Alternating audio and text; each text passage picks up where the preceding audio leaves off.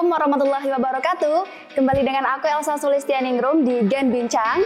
Gen Bincang, bincang-bincang. Bersama narasumber kita ada Andriansa. Halo, Oke, long time no see ya. Oke. Gimana kabarnya nih Andre? Ya, oke, alhamdulillah kabar baik. Baik, alhamdulillah ya. Kita harus selalu menjaga kesehatan di masa pandemi kayak gini, oke? Uh, podcast kita kali ini akan membahas tentang budaya apa sih yang masih hits di Pekalongan ini bersama narasumber kita yang spesial pastinya, oke? Langsung aja. Yang pertama itu tentang kebudayaan dan budaya itu bedanya tuh apa sih dari pengertiannya itu? Waduh, kalau tidaknya tentang budaya dan kebudayaan itu sebenarnya satu kesatuan ya. Antara budaya dan kebudayaan kalau bicara tentang budaya itu adalah suatu sikap atau pola perilaku manusia yang itu memang kompleks. Apalagi ada sistemnya yang eh, agak rumit seperti ada sistem politiknya juga, sistem agamanya, sistem bahasanya seperti itu.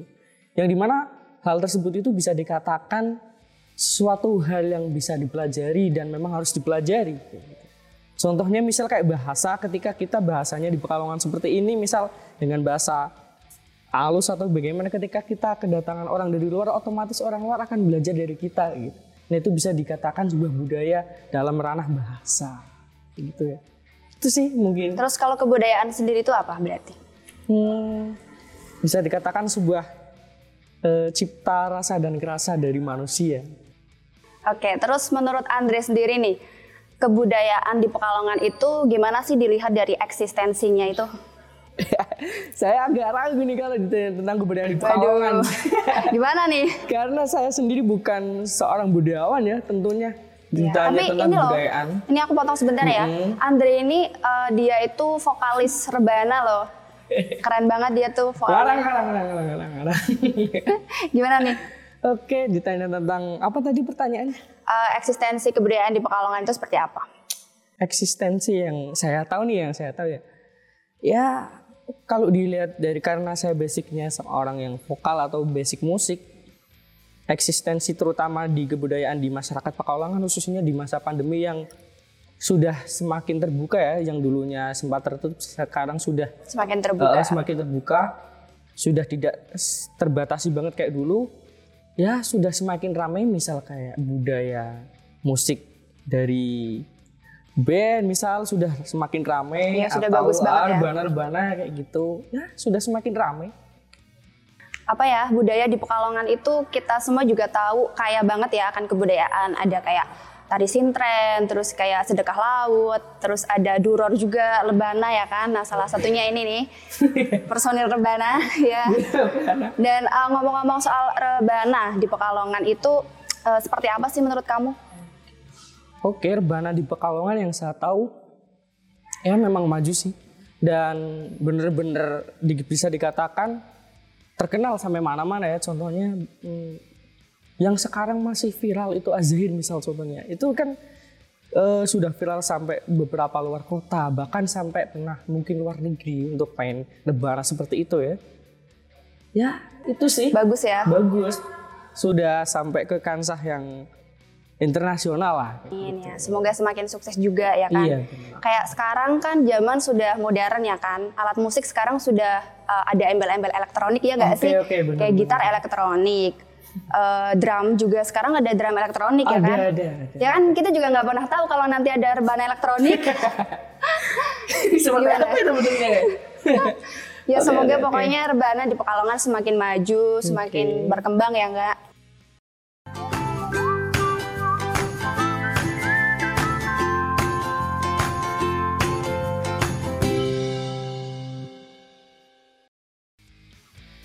Oke, eh, ngomong-ngomong tentang eh, sekarang zaman yang sudah semakin modern, pasti kita tahu dong adanya akulturasi budaya yang mempengaruhi kebudayaan di mana pun gitu ya.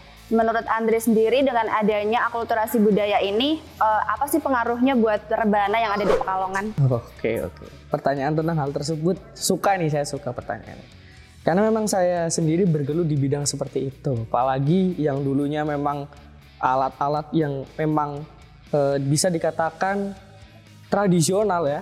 Sekarang sudah ada modern. Kalau bisa dibilang campuran antara kebudayaan yang tradisional dengan modern itu namanya kontemporer kan. Oh iya. Jadi sekarang itu musiknya sudah lebih etnik lagi, lebih keren lagi seperti antara misal rebana sudah ada keyboardisnya atau ada bassnya. Jadi tadi pertanyaan apa saya lupa.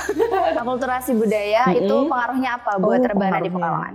Tentunya dengan hal tersebut eh, kita sebagai seorang seniman juga semakin berkembang ya, baik bisa dikatakan baik dan juga bisa dikatakan lebih bermanfaat, lebih berkeseniannya lebih maju juga bisa dikatakan apa ya?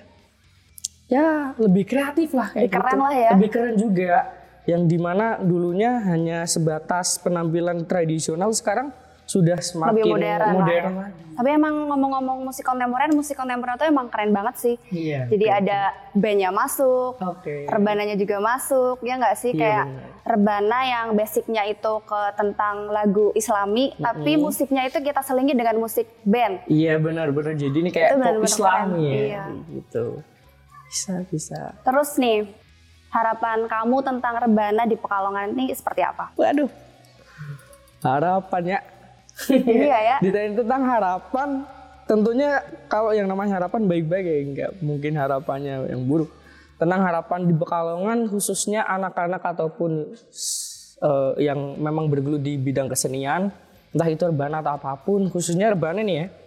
Semoga bisa eh, memang benar-benar mengikuti perkembangan zaman di mana yang dulunya memang rebana itu hanya sebatas sebuah permainan alat musik tradisional yang itu untuk mengiringi misal maulid simdudoror atau apa pun itu bisa berkembang lagi, bisa lebih kreatif lagi dengan alat-alat yang lebih modern, lebih menyesuaikan lagi sehingga apa yang ditampilkan itu lebih menarik menghasilkan suatu nuansa yang baru. Iya, jadi kemasannya juga mengikuti zaman Iya, dikemas secara berbeda juga Iya, ya kan dengan alat-alat yang lebih modern juga Oke. pastinya ya. Terakhir nih, beri dong apa sih motivasi buat anak muda yang lebih ngeh gitu lah gimana sih biar mereka tuh bisa mencintai rebana gitu. Waduh. Kayak kamu ya kan. kamu kan orangnya tuh rebana banget. Orangnya apa mukanya kan rebana bulat. Kalau aku dikasih eh, suatu motivasi apa memberikan motivasi kayaknya belum pantas ya. Apa yang bisa dimotivasikan dari omongan saya kayak gitu. Gak apa-apa dong, kan kamu apa ya punya basic di rebana. Kamu juga apa ya vokalnya udah luar biasa banget nih vokalnya.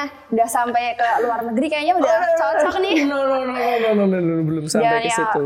Berilah apa sih ya motivasi buat pemuda-pemuda biar bisa kayak kamu. Gimana sih eh, belajar di dunia tarik suara di rebana itu kan susah banget kan ada Oke, oke, cengkoknya dan ada yang ini, ada yang itu. Terus juga musiknya kadang semakin lama semakin ngebeat ya nggak Iya, sih? iya, benar, benar, Itu tuh gimana coba? Mungkin kalau motivasi nanti dulu ya saya pingin memberikan kayak pesan keinginan buat anak-anak Ya, boleh, muda boleh, boleh. yang memang bergelut di bidang kesenian khususnya rebana tadi yang saya bilang seperti itu bahwasanya kalau bisa bisa mengikuti perkembangan zaman di mana hal-hal yang lebih modern bisa diikuti bisa dipelajari sehingga menghasilkan suatu nuansa yang baru terus eh, tentang apa lagi ya? Lupa saya tadi mau ngomong apa Kreativitas juga pasti ya. Oke, kreativitas. Kemudian bahwasanya ketika kita mempelajari sesuatu, kalau bisa jangan hanya fanatik kepada satu hal yang diinginkan atau satu hal yang Iya, iya, benar. disukai. Karena kalau Anda mengikuti suatu hal yang fanatik secara fanatik, mempelajarinya juga hanya itu-itu aja, hanya mendengarkan itu-itu saja, Anda tidak akan berkembang kayak gitu. Contohnya di bidang musik kayak gitu. Ketika Anda hanya bergelut di bidang musik, hanya mengikuti sebuah musik yang hanya dahulu seperti eh, tradisional tidak mengikuti perke- perkembangan zaman yang lebih modern, itu Anda akan tertinggal dengan yang lain. Iya benar-benar. Dan kalau bisa mempelajari genre yang lain gitu. Sehingga bisa mengikuti perkembangan zaman yang lain juga yang lebih modern karena musik sekarang itu rebana tidak hanya yang mau kayak alat rebana ditabuk topling topling begitu, tapi sekarang kan ada keyboardisnya, ada apanya seperti itu lebih bisa menyesuaikan. Tantangan-tantangan yang baru ke depan itu semakin bisa dihadapi seperti itu pesan saya. Kayak kita tuh lebih ke open mindset gak sih tentang musik di Pekalongan khususnya ya? Apa itu open mindset? ya kayak kita eh, belajar itu nggak cuma di satu bidang Oke, aja. benar, Jadi benar. kita juga nggak melihat sebuah uh, musik rebana yang bentuknya hanya bulat aja mm-hmm. dalam satu sudut pandang aja gitu. Okay, kita juga bisa manfaatkan untuk hal yang lain okay. yang lebih kreatif, yang lebih modern dan lain sebagainya gitu, mengikuti perkembangan zaman seperti yang tadi dikatakan sama Andri gitu okay. ya. Wah, seru banget nih ya perbincangan kita hari ini tentang kebudayaan di Pekalongan khususnya adalah rebana bareng sama Andre. Mm-hmm. Semoga uh, banyak pelajaran yang bisa diambil dan semoga bisa bermanfaat buat teman-teman semuanya. See you next time. Terima kasih. Wassalamualaikum warahmatullahi wabarakatuh. Waalaikumsalam warahmatullahi wabarakatuh.